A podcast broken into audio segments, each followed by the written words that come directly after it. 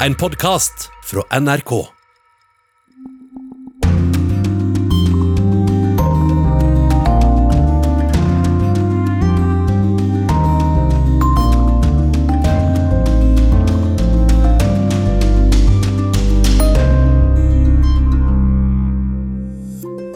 I tre år ble Omar al-Shogre torturert i Assads fengsler i Syria.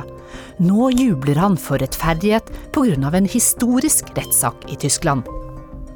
Det er første gang i mitt liv jeg får følelsen for justice. Russiske myndigheter har satt i gang en omfattende overvåkning av folk i Moskva. De hevder det er nødvendig for å hindre smittespredning. Jeg elsker deg, je t'aime. Det hoppades Patrice Dupin få høre en siste gang av sin pappa. Det ønsket satte politiet i Frankrike en rask stoppe for.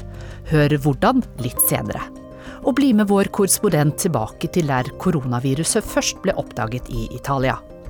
Pasienter som leger var blitt syke, de hadde mista kontroll. Hæren rykka ut og satte ti kommuner og 50 000 mennesker i karantene. I podkasten stilles spørsmålet hvordan blir verden etter korona? Velkommen til Urix på lørdag, i studio Anja Strønen. Og vi starter denne sendingen i Tyskland. For i den tyske byen Koblenz så startet rettssaken mot to tidligere etterretningsoffiserer fra Syria nå på torsdag. De er tiltalt for tortur og forbrytelser mot menneskeheten. Den ene var sjef for etterforskning i, syriske, i den syriske etterretningen. Men han hoppet av i 2012, og skal siden også ha samarbeidet med opposisjonen i eksil. I en rettssal i den tyske byen Koblenz, der elvene Rhinen og Mosul flytter sammen til én, føres de to syriske fangene inn mens kameraene går varmt. Rundt hver sitteplass er det bygget bokser med pleksiglass for å hindre smitte. Hovedmannen, 57-årige Anwar Aslan, mager, uttrykksløs, med briller og bart, og 43 år gamle Eyad al-Gharib, med hettegenser godt trukket over hodet. Det er ikke småtteri aktor Jasper Klinge anklager Anwar Aslan for. Dem Angeklagten Anwar R. legen wir zur Last, dass er als Leiter der Einheit Ermittlungen dieser Abteilung 251 für den Tod von 58 und die Folterung von mindestens 4000 Häftlingen verantwortlich ist. Anwar R. var som etterforskningssjef i Etterretningens avdeling 251 ansvarlig for 58 drap og tortur av minst 4000 fanger. Tiltalen går bl.a. ut på forbrytelser mot menneskeheten og mord, sier aktor Jasper Klinge. Han er sikker på at Raslan visste hva som foregikk i Al-Khatib-fengselet i Damaskus. Klinge fører saken på vegne av 24 tidligere fanger, flere av dem er innkalt som vitner. Innsatte ble utsatt for voldtekt og tortur, bl.a. slag med kabler, elektrosjokk og berøvelse av søvn. Det bodde opptil 140 fanger på 50 kvadratmeter. Tiltalte nummer to, Eyad al-Gharib, skal ha hjulpet til med å arrestere opposisjonelle som demonstrerte mot Assad-regimet høsten 2011. Den syriske advokaten og menneskerettighetsaktivisten Anwar al-Bunni har hjulpet til med å samle inn bevis mot de tiltalte. So they committed the crime with cold blood. Now it's everything changed. There is nowhere, no way to have immunity or to escape from punishment. De gjennomførte disse forbrytelsene med kaldt blod. Nå er alt endret. Det finnes ingen mulighet for immunitet, eller at de kan unnslippe straff, sier syreren Al-Bunni. Men ikke alle i den syriske opposisjonen er enige, ifølge det tyske magasinet Der Spiegel. De møtte hovedtiltalte Anwar Aslan i eksil i Amman allerede i 2013. Der Spiegel har snakket med kilder som mener at domstolen i Koblenz nå går den syriske presidentens ærend ved å stille en som tross alt har hoppet av og vært åpen om grusomhetene, for retten. I 2014 skal Aslan ha vært med i en delegasjon fra den syriske opposisjonen som fløy fra Tyrkia til Genéve for å delta i FN-støttede fredssamtaler. Det var samme år som han søkte asyl i Tyskland. Han ble arrestert i fjor, og den syriske menneskerettighetsadvokaten al-Bunni mener det er riktig at han straffes. Tiden med immunitet er over, og jeg er sikker på at mange i det minste er bekymret og kanskje redde nå. For det samme nettverket som Anwar Aslan var en del av, opererer akkurat som før inne i Syria. Rettssaken vil tidligst bli avsluttet i august. Det var kollega Gro Holm som ga oss bakgrunnen for denne spesielle rettssaken. Velkommen i studio, Gunnar Ekeløve Slydal, fagsjef i den norske Helsingforskomiteen. Takk. Dere har sammen med Det europeiske senteret for konstitusjons- og menneskerett anmeldt en lignende sak til norsk politi. Den skal vi komme tilbake til, men først til saken som altså startet denne uken i Tyskland. Kan du forklare oss hvorfor dette rettsoppgjøret er historisk? For det er det jo. Det er det. Eh, det er første gang noen blir stilt eh, for en domstol eh, fra Assads regime. Vi har jo hatt saker mot fremmedkrigere som har operert i det samme området. Men ingen har blitt stilt til ansvar for det omfattende systemet av menneskerettsbrudd og krigsforbrytelser som Assad-regimet står bak. Men hva er det som gjør at tyske domstoler kan stille syriske krigsforbrytere til ansvar? Ja, For det første så har de lovgivning som gjør det mulig. Det er noe som heter universell jurisdiksjon. Dvs. Si at de kan ta spesielt alvorlige straffesaker som skjedde utenfor Tyskland, og uten at tyskere egentlig var involvert. Eh, Norge har en lignende lovgivning. Og Det andre er at det er mange eh, som flykta til Tyskland fra Syria. Og dette, denne saken er et eksempel på det. Men hvordan kan man da være sikker på at de rette personene stilles til ansvar? For vi hørte jo her i denne eh, reportasjen fra Gro Holm at eh, den ene tiltalte i denne saken, han hevder at han er en avhopper som har jobbet for opposisjonen. Um, du kan si at den rette tiltalte ville vært Assad, og de som er aller nærmest Assad. For de har det største ansvaret. Men det er sånn i alle rettsoppgjør at man må begynne et sted. Eh, dette er mulige saker for Tyskland å ta, og det er viktige saker. Anwar var høyt oppe og hadde et stort ansvar i forhold til å gjennomføre denne torturkampanjen mot de som eh, ville ha mer demokrati i Syria. Vi skal høre mer fra deg, du blir med oss videre her eh, i studio. Men en av de som gjerne skulle vært til stede under rettssaken i Tyskland, det er 24 år gamle Omar al-Shogre. Han overlevde tre år med tortur i ti ulike fengsler i Syria. Da han kom ut så veide han 34 kilo, hadde tuberkulose, men utrolig nok så greide han å komme seg til Sverige. Hans beskrivelser har vært helt vesentlig i denne og flere saker som nå kommer. Akkurat nå så sitter han da i karantene i USA pga. koronasituasjonen, men jeg snakket med han på telefon i går kveld og spurte om hva denne første rettssaken betyr for han. Det er meningen i mitt liv om jeg ikke kjemper mot denne regimen som har torturert meg i tre år og myrdet min pappa og mine brødre og alle mine barndomsvenner. Hva er meningen med, med mitt liv om jag inte använder det jag har gått igenom som bevis, som vittnesmål mot syriska regimen för att ställa alla de ansvariga till svar. Det är det första gången i mitt liv jag får känslan för justice.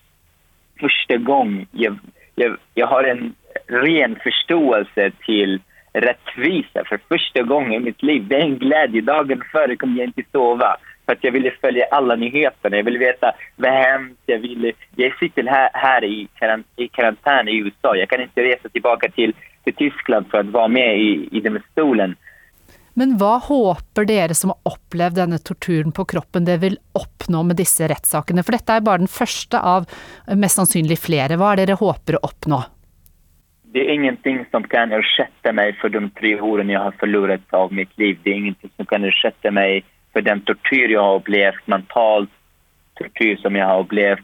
Ingen som kan erstatte meg for min pappa og mamma og mine søsken som jeg har savnet så lenge. Det er ingen som kan erstatte meg for det her. Ingen domstoler, ingen rettviselse. Jeg gjør det her for at de menneskene i Syria som har tappet håp, de skal få det igjen. At det finnes noen som gjør noe for dem. Jeg lever enklere liv. Nå, jeg, nå bor jeg i Sverige. Sverige är et trygt land for meg igen, men det finnes mennesker som ikke lever i en trygt situation just nu inne i Syrien eller, eller i Turkiet som är flyktingar. Flyktingar runt om i världen från Syrien som inte är trygga än. De måste veta att det finns någon som jobbar för dem. De måste veta att de vi har, vi har gått igenom de här eh, nio åren var inte för ingenting. Vi har startat en revolution för att få, vi har startat en revolution för att få frihet. Vi har startat en, revolution för att få justice och vi kommer inte sluta innan att få det. De, de som dog, en halv miljon människor som dog, 200 000 människor som fick tortyr. Detta ska inte gå för någonting. Det ska vara ju, det ska finnas en belöning för det vi har gjort. Och belöningen just nu, den första möjliga belöningen är ju att ha det rättvisa, att de ska ställas till svar, alla de som begått war Crime. Men, men tror du da at eh, dere til slutt vil ende opp med at eh, Assad vil stilles for retten? Det er ekstremt realistisk. Det, jeg kan se det fremfor meg. for at Hvor lenge skal han få sine, sine allies med, med ham? Hvor, hur, hur länge ska Russia, uh, hvor lenge skal Ryssland hjelpe syriske regimen? Til slutt han kommer att inte ha mer makt. Till slut kommer han ställa till svar. Vi som är utomlands, vi som är ju, bor i alla länder förutom Syrien just nu, alla syrier jobbar för att för att få Assad till domstolen. Så länge jag lever kommer jag fråga för detta. Så länge mina vänner som har överlevt fängelset lever, de kommer fråga för detta. Så länge människor som har börjat revolutionen i Syrien lever, de kommer fråga för detta. Och han kommer stå bakom de metall. Ja, det var Omar al-Shogre, som altså har et håp om at Assad en gang eh, skal stå bak betal og så stilles for retten. Gunnar Ekeløve Slydal, fagsjef i den norske Helsingforskomiteen. Er det realistisk å tro? Eh, både ja og nei. Jeg tror ikke det skjer i, i morgen. Eh, men historien viser jo at det er en, en reell mulighet for at en tidligere president eh, havner i, eh, i domstolen. Det har skjedd med afrikanske statsledere. Eh, det skjedde med Milosevic. Så eh, muligheten er der. Men i tillegg så vil jeg si at det er egentlig Assad som sitter på tiltalebenken. For det er hans system som Anmar og Eyat representerer. De jobba for Assad. Eh, Og i løpet av denne rettssaken så vil vi lære mye om hvordan det ekstremt brutale undertrykkelsesmaskineriet til Assad fungerer. Og, og som nevnt så jobber dere også med en lignende sak her i Norge. Fortell litt om den saken. Hvor står den hen? Ja, vi har støtta noen eh, torturofre som er kommet til Norge og fått beskyttelse her. Eh, de har gått til norsk politi, eh, og vi har et lignende system som de har i Tyskland. Så det er realistisk at de kan gjøre noe. De har gått med sine saker som peker på ledere for de samme etterretningssystemene som saken i, i Tyskland handla om. Eh, de har personlig blitt torturert på det groveste, og de har bedt norsk politi om å etterforske 10-15 personer som de mener er ansvarlige for det de har opplevd. Men de 10-15 personene, befinner de seg også i Norge? Der er utfordringen. Ja. De, befinner seg i Syria. Nettopp. Og Det er forskjellen fra denne saken i Tyskland, at uh, vi får nok ikke så lett tilgang til de, gjernings, eller de mistenkte i den saken. Så det vi har sagt til norsk politi, er at det er viktig at dere likevel etterforsker de sakene, og kanskje utsteder arrestordre. For det vil også ha en veldig sterk signaleffekt. Det betyr at uh, de kanskje ikke kan reise til utlandet, uh, og at verdenssamfunnet får vite at norsk politi mener at disse står bak disse forbrytelsene. Men vil disse rettssakene da få noen konsekvenser? Altså I Tyskland så har man de to tiltalte på tiltalebenken. I Norge har man da, de, den, som du sa, ikke de aktuelle her i landet. Men vil da rettssaken få noen konsekvenser? Det som skjer i Tyskland i dag, tror jeg vil få konsekvenser. På hvilken måte? Det sender et signal, som vi hører fra Omar, om at det fins en rettferdighet. Det er noen som følger med på det som skjer i Syria. Og husk at dette er ikke bare historie, det skjer i dag. Eh, og de som driver på for Assad med denne virksomheten, jeg tror de tar det ad notam. Så jeg håper at De følger med, tror du? De følger med. Ja. Eh, og de kanskje de til og med tenker at vi må være litt mindre brutale. Det kan man jo håpe. Men eh, hvilket budskap sender da denne og kommende rettssaker til Assad? Dette håper jeg er begynnelsen på et rettsoppgjør som totalt har mangla i forhold til overgrepene i Syria, som har pågått i ni år, men også før det, fordi Syria var et land som torturerte eh, i, i, mange tiår. Eh, det sender et signal om at den tiden kanskje er slutt nå, hvor man kan være helt sikker på at man ikke blir stilt til ansvar. Men eh, noe endelig, noe slutt ser vi ikke sånn umiddelbart. Altså det, er, det, det kan ta tid. Det, disse sakene tar tid, um, og det er mange land som holder på med lignende saker. Uh, Sverige, Frankrike, uh, Østerrike, Sveits. Uh, men det vi er veldig glad for, er at vi ser at det er en økende vilje til å ta disse sakene.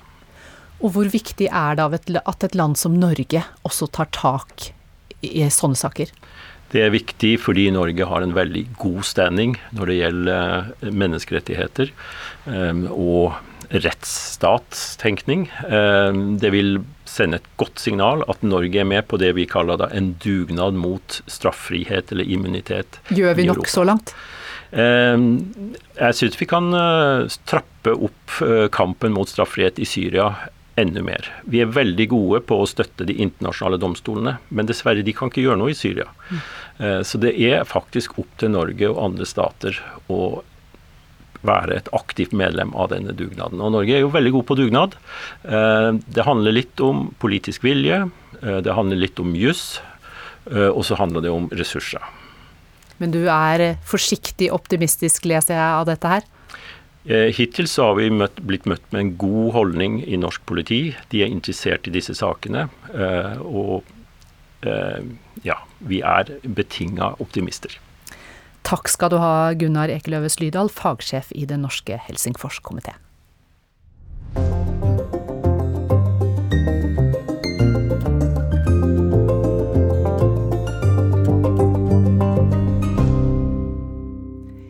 Russland er det utplassert 170 000 kameraer i hovedstaden Moskva, ifølge russiske medier.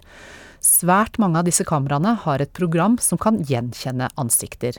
Myndighetene hevder at overvåkningen er nødvendig for å bekjempe kriminalitet, og for, for å kontrollere at folk ikke bryter reglene under koronapandemien. В январе этого года власти Москвы без всякой шумихи, без огласки запустили систему распознавания лиц. I den russiske hovedstaden er det overvåkingskameraer på busstopp, på bygninger, ved innganger og på metroen, forteller NRKs russiske fotograf Juri Linkevitsj, som er på en runde i nærheten av der han bor. Ifølge myndighetene i Moskva ble kameraene utplassert for å bekjempe kriminalitet. Nå skal det finnes om lag 170 000 overvåkingskameraer i hovedstaden, og flere skal det bli. I fjor ble det tatt i bruk et dataprogram som kan gjenkjenne ansikter. Og det bruker nå myndighetene til å avsløre folk som bryter karantenereglene i den russiske hovedstaden. NRKs fotograf sier at moskovittene praktisk talt overvåkes døgnet rundt как бы не влияем и не говорим, как, ну, как ее можно использовать. То есть, да, то есть это... Vi lager og gir fra oss denne teknologien til myndighetene, sier Alex Minin i selskapet Entech Lab, som har utviklet dataprogrammet for ansiktsgjenkjenning. Han understreker at firmaet ikke påvirker hvordan det skal brukes. Politiet gjør hva de vil med programmet, men hensikten er å gjøre Moskva til en sikrere by, sier Minin til nyhetsbyrået AFP. Uh, Uh, do it all in real time, and all the alerts will be uh, en stor fordel med programmet vårt er at det fungerer i sann tid. Alle alarmer utløses når noe skjer, sier en annen representant for firmaet Entech Lab til BBC. Han påpeker at dette er svært viktig når det gjelder å oppdage brudd på koronabegrensningene. Yeah, uh, on my question, how, um Vladimir Bukovskij forteller at han satt i karantene i sin leilighet i Moskva, men at han snek seg ut på gata for å bli kvitt søpla. Etter bare en halv time banket politiet på døra. Systemet med overvåkingskamera og ansiktsgjenkjenning hadde oppdaget Bukovskij ute på gata der han absolutt ikke skulle være. I think Russia is going by uh, Chinese scenario, and they want Utviklingen i Russland går i retning av det man har i Kina, sier Sarkis Darbinyan i Roskom Svaboda, en uavhengig organisasjon som overvåker myndighetenes forsøk på å kontrollere det som skjer på internett. Darbinyan mener at russiske myndigheter nå tester ut ulik teknologi som kan brukes til å kontrollere folk og deres bevegelser. Menneskerettsorganisasjonen Agora sier at myndighetene samler inn personlige data som fotografier, videoer, adresser, bilnumre og medisinske diagnoser. Ifølge organisasjonen finnes det ingen føderale lover som regulerer innsamlingen av slike data Массовое использование технологий распознавания лиц на городских камерах – это тотальная слежка государства за гражданами и государство... Omfattende bruk av ansiktsgjenkjenning via kameraer i en by betyr total overvåking av borgerne, sier advokaten og menneskerettsaktivisten Arjona Papova.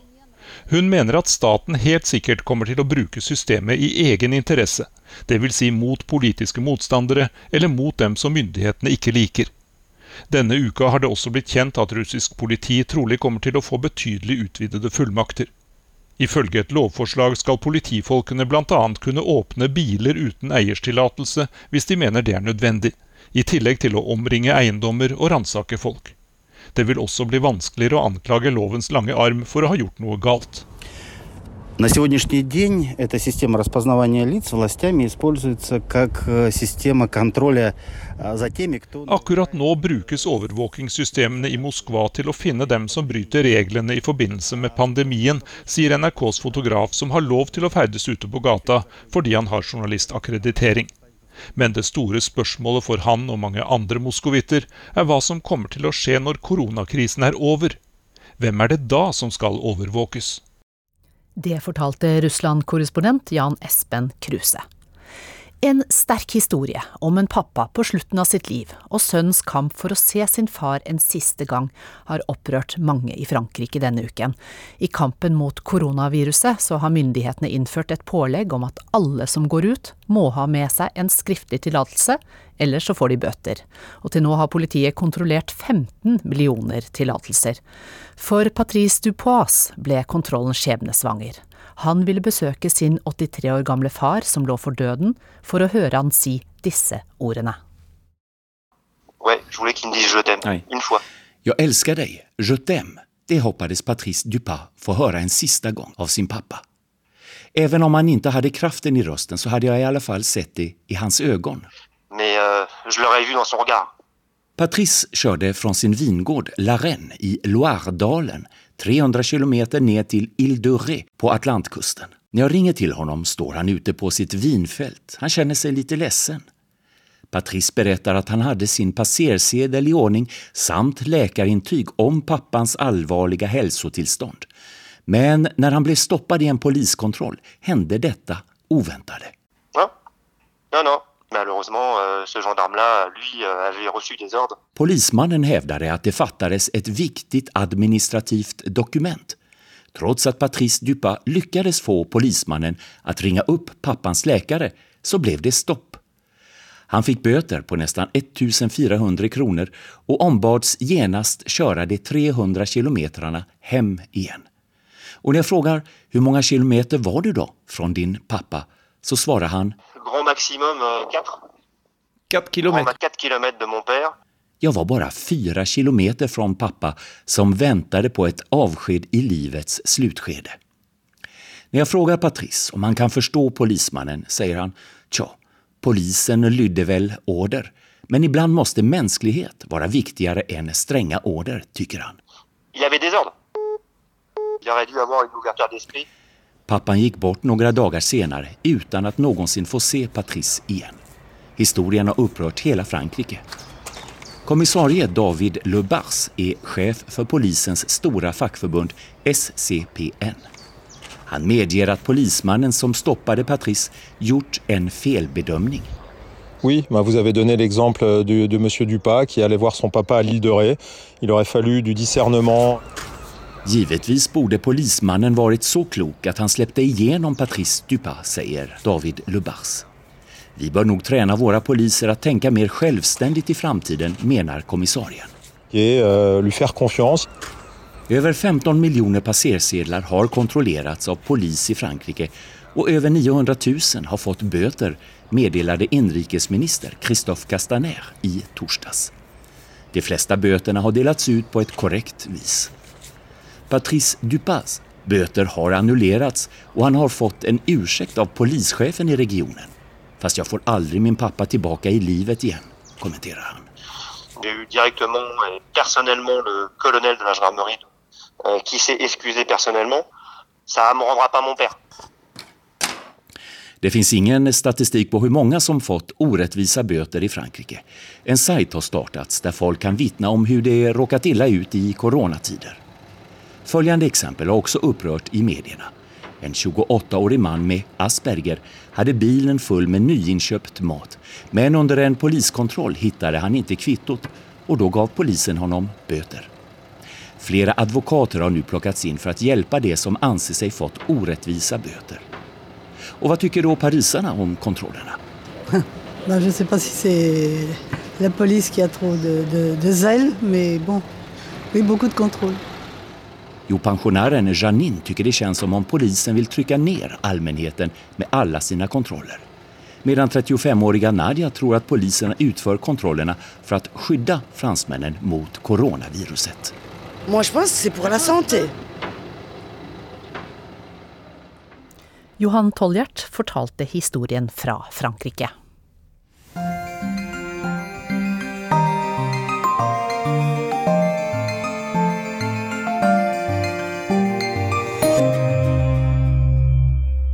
Du lytter til Urix på lørdag i NRK P2. Ukas korrespondentbrev er postlagt i Italia. Korrespondent Roger Severin Bruland er tilbake i Codogno, der det første tilfellet av koronaviruset i Italia ble oppdaget. Det begynte i midten av februar, da jeg fikk marsjordre til Italia. Koronaviruset hadde herja ved et sykehus i småbyen Codogno utenfor Cremona. Pasienter som leger var blitt syke, de hadde mista kontroll. Hæren rykka ut og satte ti kommuner og 50 000 mennesker i karantene. Ved hjelp av BBCs korrespondent i Roma fikk jeg tak i en kar i Codogno, Andrea. Hva var det som hadde skjedd? Siden har jeg og Andrea holdt kontakten på WhatsApp. Jeg har fått høre om frykt og avsky, og om det ensomme livet i karantene. I seinere tid har han begynt å bekymre seg for økonomien og framtida. Denne veka fikk jeg endelig møte Andrea. Han hadde meldt seg til tjeneste i Sivilforsvaret, og jeg skulle få møte nøkkelpersoner i kampen mot viruset. Første møte var med politimeisteren. Det ble ikke sagt rett ut, men det virka som det var litt obligatorisk å drikke kaffe med lovens lange arm, studere plakettene hans og høre han skryte av sin storslåtte karriere i de mer eller mindre fargerike italienske politikorpsene. Nå må jeg legge til at det er påbudt med ansiktsmaske i Italia. Og Andrea hadde ei temmelig heimelaga ei, der det sto 'Made in Italy' på fronten med store bokstaver. Så medan drøset gikk og vi streva med å få i oss kaffe med ansiktsmaske, begynte det å piple små såpebobler ut av maska til Andrea. Jeg og politimesteren knakk sammen i latter. Har han vaska maska med oppvaskmiddel? Andrea nikker litt brydd. Ei bitte lita såpeboble kjem flygande ut av filteret. Isen er bråten, nå kan jeg gjøre hva jeg vil i Codogno, og politimesteren vinker farvel. Andrea tok meg så med til gjestgiveriet der jeg skulle bo. Der venta husverten Fabrizio. En gråhåra og elegant mann med mykje på hjertet. Ekte italiensk sølvrev som lett kunne pryda ei Dressmann-reklame. Det kan ikke tru hvor mange jeg må avvise, forteller Fabrizio fortvilt. Det er kun de med samfunnskritiske ærend som får lov til å bo her. I går ringte en mann og trygla om å få et rom. Han hadde krangla med kona og hadde ingen stader å gjøre av seg. Fabrizio rister på hovedet, stumper sigaretten og setter seg i bilen. Det hadde vært en lang dag, og vi trengte mat. I Codogno kunne vi velge mellom to takeaway-restauranter, pizza eller sushi. Jeg tenkte i mitt stille sinn at det å velge rå fisk i koronaens episenter ville kreve i overkant mye hubris. Så det ble pizza den kvelden, og for så vidt alle de andre kveldene også.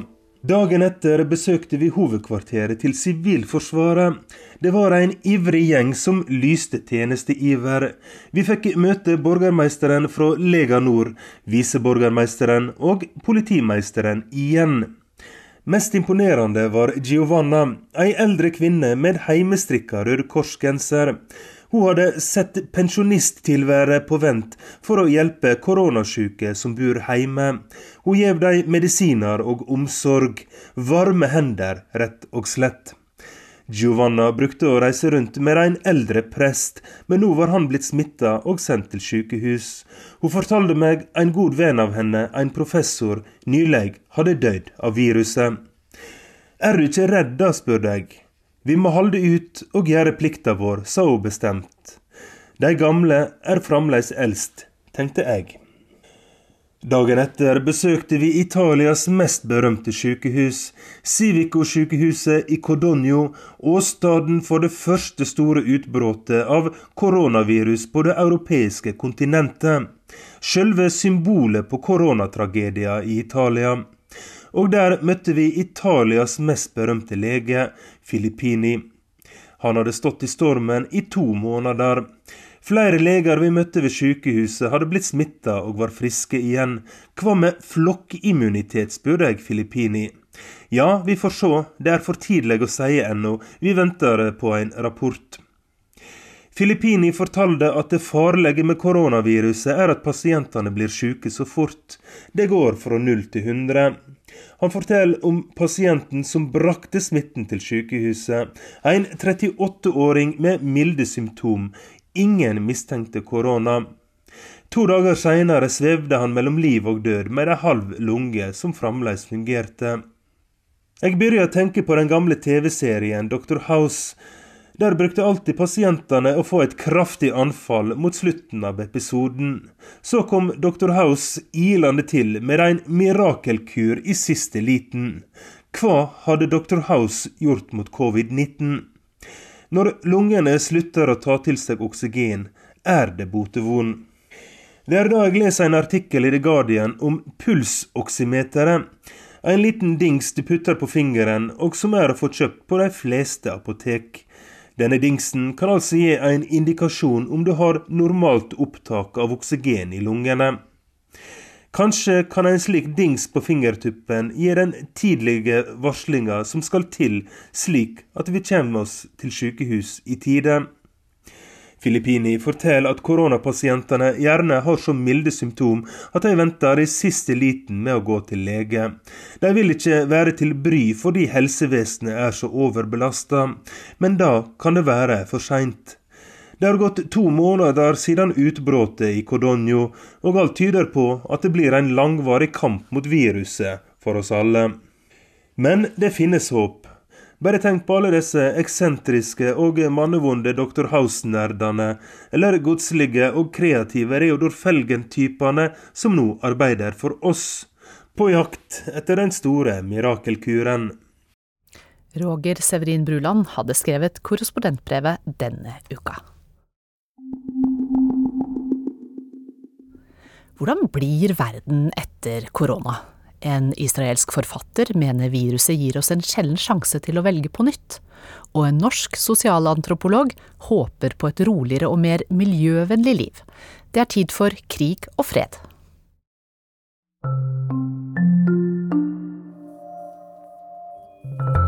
Mange land stenger omverdenen ute nå, og vil ha minst mulig med hverandre å gjøre. Mange land overvåker folk mer enn før, og noen ledere gir seg sjøl mer makt. Og noen land tilbyr seg å hjelpe andre, og håper kanskje å få noe igjen for det også. Så hvilken vei velger vi nå? Hva skjer med verden når kampen mot viruset en dag er over? Hvordan kommer den krisa vi står midt oppi nå, til å forme forholdet mellom folk i framtida? Det er tid for de virkelig store spørsmålene i krig og fred. Med Tove Bjørgaas og Tore Moland. Det som er interessant, er at vi nå befinner oss i et et mulighetsrom, altså en overgangsfase. Eh, kan tenke at vi har, et, vi har, et, vindu som er åpent en kort tid, hvor vi kan se oss selv utenfra, hvor vi kan se verden, og hvor vi plutselig ser måte hele skjelettet vi ser, eh, vi ser, ikke bare fasadene, men vi ser også grunnmuren. Vi ser ikke bare nipsen på peishylla, men vi ser også faktisk hvordan huset er konstruert fra bunnen av. Eh, og vi ser ikke bare vannet som kommer ut av kranen, men vi ser også rørene som ligger i gatelegemet, som du går over hver eneste dag vanligvis uten å tenke på det. Så vi kan se vår egen verden nesten med røntgensyn nå, fordi den har stoppet opp. Og da kan vi stille oss spørsmål. Hm, er det egentlig sånn vi vil ha det, eller burde vi fikse på en del ting og gjøre ting helt annerledes? Ja, jeg heter Thomas Hylland Eriksen, og jeg er professor i sosialantropologi ved Universitetet i Oslo. Thomas, har um, koronakrisa gitt deg noen nye aha-opplevelser? Personlige eller profesjonelle? Ja, det vil jeg si. Altså, dette er jo en, eh, en, verdenshistorisk begivenhet som vi står midt oppi. Så den er jo selvfølgelig på mange måter uhyggelig. Altså, det virker som om hele verdensøkonomien raser sammen som et korthus. Eh, men den er også veldig spennende når du er eh, forsker på samfunn og kultur, fordi det er så mange sider ved verden, som, og både i det lille og det store, som blir avdekket som du ikke hadde tenkt på tidligere. Så jeg har fått mange aha-opplevelser. Noe er bekreftet det jeg trodde på forhånd, og så lærer man kanskje noen nye ting. Har du noen eksempler? Altså Det som er bekreftet det jeg trodde på forhånd, det er det lettest å snakke om. og det handler jo om eh, sammenvevingen av verden, takket være globaliseringen, som er blitt tettere og tettere og tettere siden annen verdenskrig, og særlig siden tidlig på 1990-tallet, som er en periode som jeg omtaler som overopphetingens periode. Jeg bruker begrepet overheating for å snakke om globaliseringen etter ca. 1990-91, da det tok helt av. Slutten på den kalde krigen, internett, mobiltelefoner, eh, Indias økonomi ble åpnet opp for omverdenen, Kina viste seg som en økonomisk supermakt etter hvert. Det skjedde veldig mye i løpet av veldig kort tid, og det er den tiden vi lever i nå. Og Koronakrisen er jo et bilde på denne overopphetingen, og det fascinerende her er jo at overopphetingen fikk som sin konsekvens en påtvunget nedkjøling, som skjedde nesten over natten. Så en av de største overraskelsene jeg har fått, er at verdens land er så dårlig koordinert, men samtidig gjør omtrent det samme. Altså, De samarbeider ikke. Eh, selv innenfor EU har de problemer. Innenfor USA er det jo en katastrofe, fordi hver delstat har jo sin policy, og så har de liksom en sånn idiot på toppen som prøver å, å være trafik trafikkonstabel og diktator og ikke klarer noen av delene. Eh, men landene tar etter hverandre. De leser de samme rapportene fra Imperial College i London, eh, og de hører på mange av de samme ekspertene, og de vurderer situasjonen nokså likt. Så enten du drar til Nepal eller Bolivia, så vil du se at mange av de samme tiltakene er iverksatt. Om sosial avstand, eh, om å vaske hendene ofte, eh, at man stenger universiteter, eh, flytrafikk ut og inn av landet blir stoppet, butikker stenges. altså Det er veldig mange likheter. Og det finnes selvfølgelig noen såkalte outliers, altså om Turkmenistan, hvor presidenten har forbudt å bruke ordet korona. Og dermed kan det heller ikke eksistere i Turkmenistan. Eh, eller Hviterussland, hvor presidenten eh, lar fotballkampene gå sin gang. Så det er den eneste fotballigaen fotballinteresserte har kunnet følge med på nå de siste ukene. Eh, og sier at vodka og sauna er veldig bra mot korona. Men, men veldig få unntak som marsjerer verden i takt, men uavhengig av hverandre, uten så veldig mye koordinering og samarbeid. Og Det syns jeg er ganske interessant. Hva sier det om internasjonal politikk, da? At tiltakene er så like, men hver for seg, og uten at man klarer å få til dette globale samarbeidet? Altså Det sier iallfall noe om at eh, WHO, Verdens helseorganisasjon, er altfor svak. Eh, og det er jo mange som har påpekt. Eh, at de burde ha denne koordinerende rollen. De burde ha en autoritet som gjorde at man lyttet til dem, og som gjorde det mulig å koordinere tiltak. Men altså det, jeg vet ikke hva, hva, det sier noe om utover det. At vi, jo, at vi alle er produkter av den samme globaliseringen. Vi ser alle de samme både gevinstene og sårbarhetene som skyldes globaliseringen, og forholder oss likt til dem, men uten å samarbeide med hverandre. Så her er det kanskje en lærdom. Eh, så jeg mener en mann eh, på eh, våtmarkedet i Wuhan ble spyttet på av et skjelldyr, som sannsynligvis har blitt smittet av en flaggermus. Og før du vet ordet av det, så går flyselskaper konkurs, og folk som driver rorbur i Lofoten river seg i håret og lurer på hvordan de skal klare å betale avdragene barnehagene stenger over hele verden. Fordi denne mannen ble spyttet på av et skjelldyr. Eh, eh, den typen sommerfugleffekter, hvor små eh, årsaker kan få store virkninger, er jo et, et endemisk trekk. Altså det er et iboende trekk ved denne typen eh, globalisering.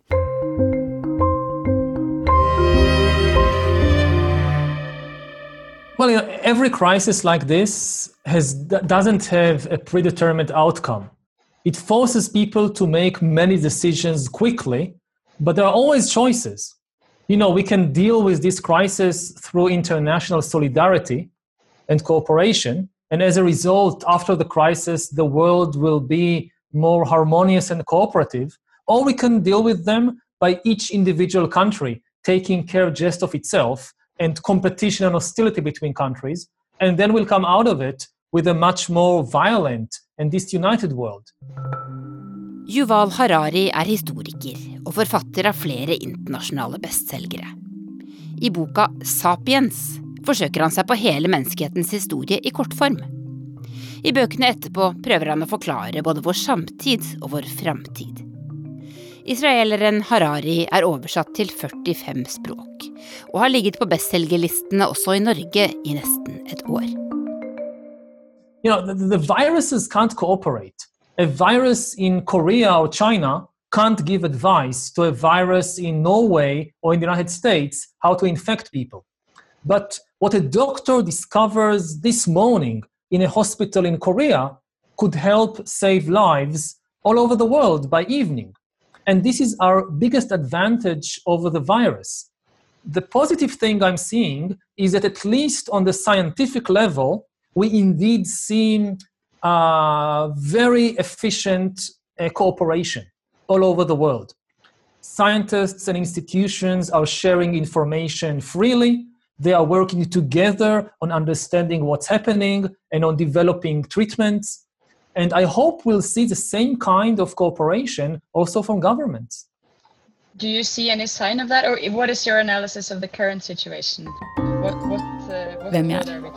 Jeg heter Heidi Takstad Skjeseth. Jeg er journalist i eh, utenriksredaksjonen i NRK. Hvorfor ville du snakke med Joval Harari, Heidi? Eh, Joval Harari er en av de som eh, jeg har sett som klarer å tenke litt sånn utover akkurat den krisen som pågår nå, og tenke på å formulere visjoner om hvordan verden kan se ut etter korona. Mange sier alt kommer til å endre seg, men hvordan? Og Yuval Harari, han eh, har han skrev en lang sak i Financial Times hvor han skrev bl.a. om overvåking og hvordan verden kom til, eller ikke kommer til, å kunne samarbeide etter korona for å forebygge en ny krise, pandemi, men også for å gjøre Altså man kan endre verden på helt sånn grunnleggende måter. Så jeg syns det var veldig, veldig spennende, jeg, og tenkte at dette må vi høre om også i Norge. Jeg lot meg også fascinere av det han sier om at dette ikke er en krig. For krigsmetaforene står jo på en måte i kø nå, vi har brukt dem i krig og fred sjøl. Hvorfor mener han det er feil å kalle dette en krig? This is not a war. This is a health crisis. It has a very different logic. In a war, people are looking for enemies, human enemies, enemies outside, traitors, and people tend to look to the security services, to the army, to the police, to take over and do, th- do something. But this isn't a war. The logic is very different. There are no human enemies. And you know, if in a war, the basic image that people have is a soldier storming forward with a rifle, in this crisis, the basic image is a nurse changing bed sheets in a hospital. It's all about care, not about killing. So, you know, if you want to put somebody in charge, don't put a general in charge, put a nurse. Han sier at, at krigsmetaforen gjør at du automatisk leter etter en motstander, altså da en menneskelig motstander, mens her så snakker vi om et virus.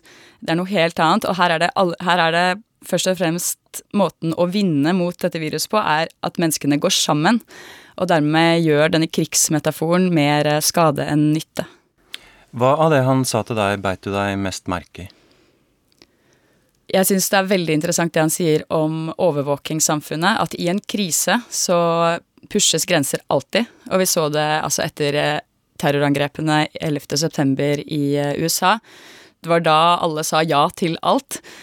Han sier ikke at overvåking nødvendigvis er en dårlig ting, men han ber oss følge med og ikke la, særlig når krisen er over, å være oppmerksomme på hva er det som fortsetter, hva er det myndighetene vil fortsette å prøve å, innføre. Og han ber oss også om å overvåke myndighetene. surveillance must always go both ways.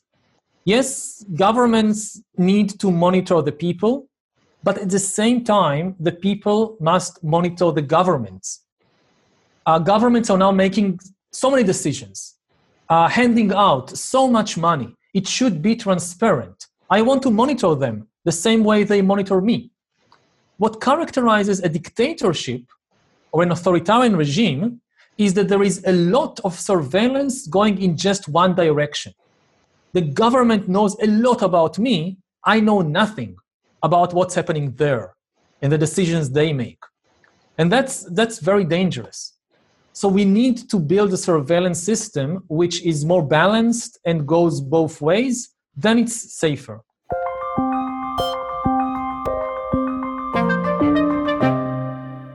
Vi kan også snakke om forskjeller i forholdet man har til myndighetene i et land. Har man tillit? Stoler man på myndighetene? Stoler de på at vi, de vil oss vel? Og det er det jeg hevder, da, at uh, i Norge så gjør man det i mye større grad enn andre steder. Og det er ikke bare noe jeg finner på. ikke sant? Dette finnes det jo forskjellige typer studier av som har å gjøre med tillit. Du kan, si, du kan ha tillit til to typer fenomener. Du kan ha tillit til et hvem, altså en annen person. Jeg stoler bare på folk jeg er i slekt med. ikke sant? Eller jeg stoler bare på folk som har min religion, eller som ser ut som meg. Eller du kan ha tillit til et hva en abstrakt institusjon, et byråkrati. Det spiller ingen rolle hvem som jobber i Nav, de behandler saken rettferdig uansett. Da har du tillit til et hva. Og i Norge har vi den tilliten til institusjonene, eh, og Sverige og Danmark og Finland og noen andre land, i mye større grad enn det som er vanlig f.eks. i USA eller Storbritannia. Hele Norge framstår som en stor familie, og statsministeren snakker til oss ikke som en autoritetsfigur, men som et bekymra familiemedlem. Slik beskriver Thomas Hylland Eriksen hvordan kampen mot viruset har fått fram noen norske særtrekk. I Norge har vi høy tillit til hverandre, og liker å forestille oss krisa som en slags nasjonal dugnad. Men hva hvis vi flytter det tillitsbegrepet over på internasjonal politikk? da? Tilliten landene imellom, den, det ser jo ikke så bra ut akkurat nå? Nei, det gjør ikke det. Eh, det, det, gjør faktisk ikke det, og, og, det har forandret seg. Det har vært en, en, tid i etterkrigstiden da det var mer forpliktende internasjonalt samarbeid. Altså det er helt åpenbart. altså Etter annen verdenskrig, de første tiårene etter annen verdenskrig, så bygget man opp en del internasjonale institusjoner som, eh, som var forpliktende. Eh, og disse tingene begynner nå å falle litt fra hverandre. Altså Du ser det på hvordan EU sliter med sin indre si, legitimitet overfor enkelte medlemsland, hvor folk går i ulik retning, og, og Storbritannia melder seg seg ut, men Skottland vil melde seg inn igjen. En kaotisk situasjon, og hvor USA har abdisert som, eh, som, en sånn eh, størrelse som man vil kunne regne med. Eh, og det er veldig lite av det. Det er mer konkurranse enn samarbeid for tiden. Og det er selvfølgelig veldig uheldig, fordi utfordringene, eller jeg kaller det problemer, for jeg jobber på Blindern, der har vi lov å si problemer. Vi må ikke si utfordringer. Problemene som verden står overfor som eh, er mange. Men la oss si at eh, nå er det mest akutte koronakrisen, men det mest langvarige er jo klima- og miljøspørsmål. Kan ikke løses av et land. Kan ikke løses alene, de kan bare løses gjennom samarbeid. Og Da er det litt eh, uheldig at det ikke finnes flere mekanismer da, som sørger for at det samarbeidet fungerer. Vi sitter jo med en følelse at nå på sett og vis nå står valget mellom nasjonalisme og isolasjon på den ene siden, og globalisering og samarbeid på den andre siden. Men du snakker jo da om en slags overopphetet globalisering. Er det overopphetingen som er problemet, mer enn globaliseringen? Ja, jeg syns det er en fin måte å si det på. Jeg tror, og jeg tror her at vi eh, kanskje vil, vil, lære oss, eh, og at det kanskje er noe av det vi kan ta med oss videre fra denne krisen, og sortere litt når det gjelder globalisering. Fordi du vet, altså, Til min mening er jo det å være for eller mot globaliseringen det er litt som å være for eller mot Golfstrømmen. altså Den er der, ikke sant. Og den er et eh, fundamentalt trekk ved den verden vi lever i. Med noen få unntak som Nord-Korea, men de har ingen innflytelse. Så, så det, det, er ikke noe man kan være for eller mot. Og globaliseringen finner jo selv på mange områder. Gjennom uh, kulturell utveksling, gjennom uh, turisme, gjennom forskjellige former for kontakt mellom ulike deler av verden. Og nå i koronakrisen gjennom Zoom-møter hvor vi kan ha små workshops hvor vi har én deltaker i Brasil og to på New Zealand, uten at det gjør så forferdelig mye. Bortsett fra at han på New Zealand må stå opp midt på natta pga. tidsforskjellen. Men hvis vi ser bort fra det. Så jeg tror vi skal sortere litt. Kanskje vi kan si det sånn at vi kan vurdere om hele denne økonomiske globaliseringen eh, bør kjøles ned av hensyn til klima og miljø. Men at vi bør eh, styrke andre typer globalisering, f.eks. kulturutveksling og internasjonalt samarbeid på politisk plan. Altså Det går det an å si. Noen råtne boliglån i amerikanske forsteder i 2007 førte til at hele Hellas holdt på å gå over ende tre år senere. Et børskrakk i New York i 1929 var med på å sørge for at fascister kom til makta i Europa på 1930-tallet. Og hvis vi går enda lenger tilbake, tror historikere at det kan ha vært svartedauden som førte til at det gamle føydalsamfunnet rakna i Europa og at det kan ha vært en pest som egentlig gjorde slutt på Romerriket. We are in a better position to deal with an epidemic than in any previous time in history. But of course, also, our expectations are much higher. In the Middle Ages, when there was an epidemic, nobody blamed the government. People took it as just as a natural disaster or as a punishment from God. It's not something the king can do anything about.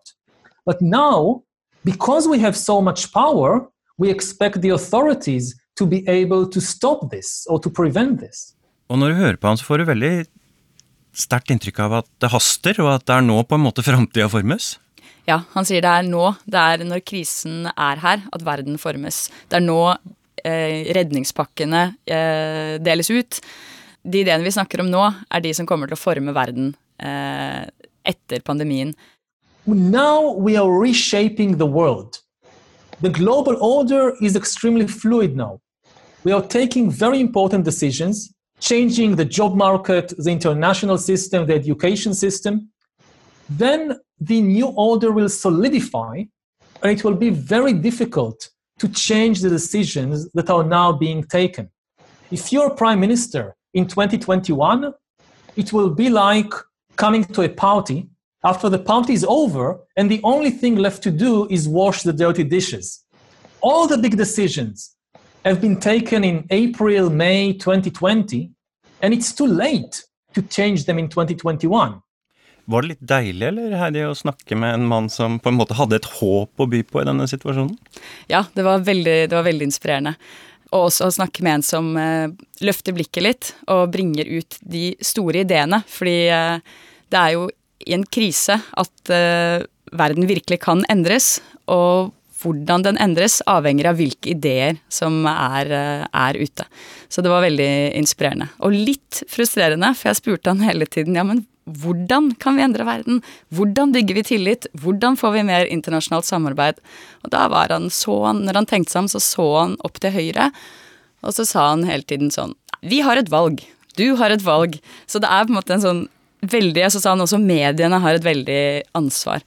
Så alle har et valg, og alle må engasjere seg. Så det er ingen, det er ingen enkel øvelse, det her. Ja, blir det litt ullent, eller er det litt ønsketenkning eh, i det hele? Både ja og nei. Det er jo Alle må engasjere seg. Og alle Så enkelt og så vanskelig er det for å endre verden.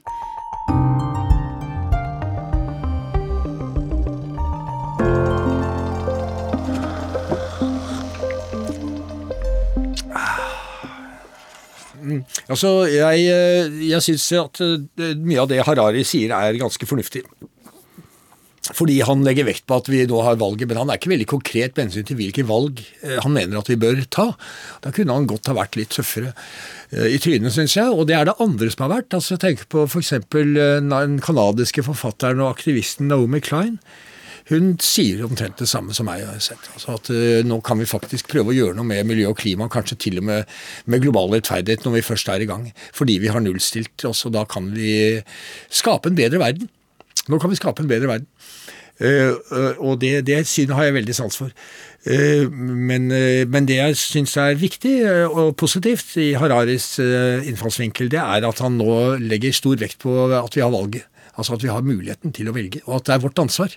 Eh, hvordan ting kommer til å bli. Ting blir ikke sånn eller slik helt av seg selv. Hvem er vi i denne sammenhengen, da? Meget godt spørsmål. Jeg vil si i utgangspunktet vi mennesker, men vi vet jo selv at uh, Hva var det Margaret Mead sa, den kjente antropologen? At uh, uh, en liten gruppe dedikerte, idealistiske mennesker kan gjøre en stor forskjell. Det er ikke noen unnskyldning. Jeg hører at uh, de som mener at Norge ikke bør gjøre noe innenfor klimasaken, uh, argumenterer med at Norge er jo så lite så det spiller ingen rolle. Du må få Kina til å gjøre noe. Men uh, alle mennesker i verden tilhører en gruppe på fem millioner mennesker. Så det er, ingen unnskyldning at vi er få. Eh, så jeg vil si at la oss begynne her oppe. Vi har alle forutsetninger i dette landet her. Eh, vi er rike, vi er velorganiserte, vi har et lavt sosialt konfliktnivå. Eh, og vi har en høy grad av pliktfølelse og sosial integrasjon og lojalitet. Så vi kan begynne. Du har hørt Krig og fred fra NRK Urix. Lydregien var ved Hans Ole Hummelvold. Tore Moland og Tove Bjørgaas ledet Krig og fred, som du også kan høre som podkast hver uke i appen NRK Radio, eller der du finner podkastene dine. Urix på lørdag går mot slutten. Teknisk ansvarlig var Lisbeth Sellreite. Produsent Jon Branes. Her i studio Anja Strønen. Og så minner vi om at etter Dagsnytt er det ukeslutt her i NRK P2, der det bl.a. handler om USA og demonstrasjonene mot myndighetenes tiltak mot koronaviruset.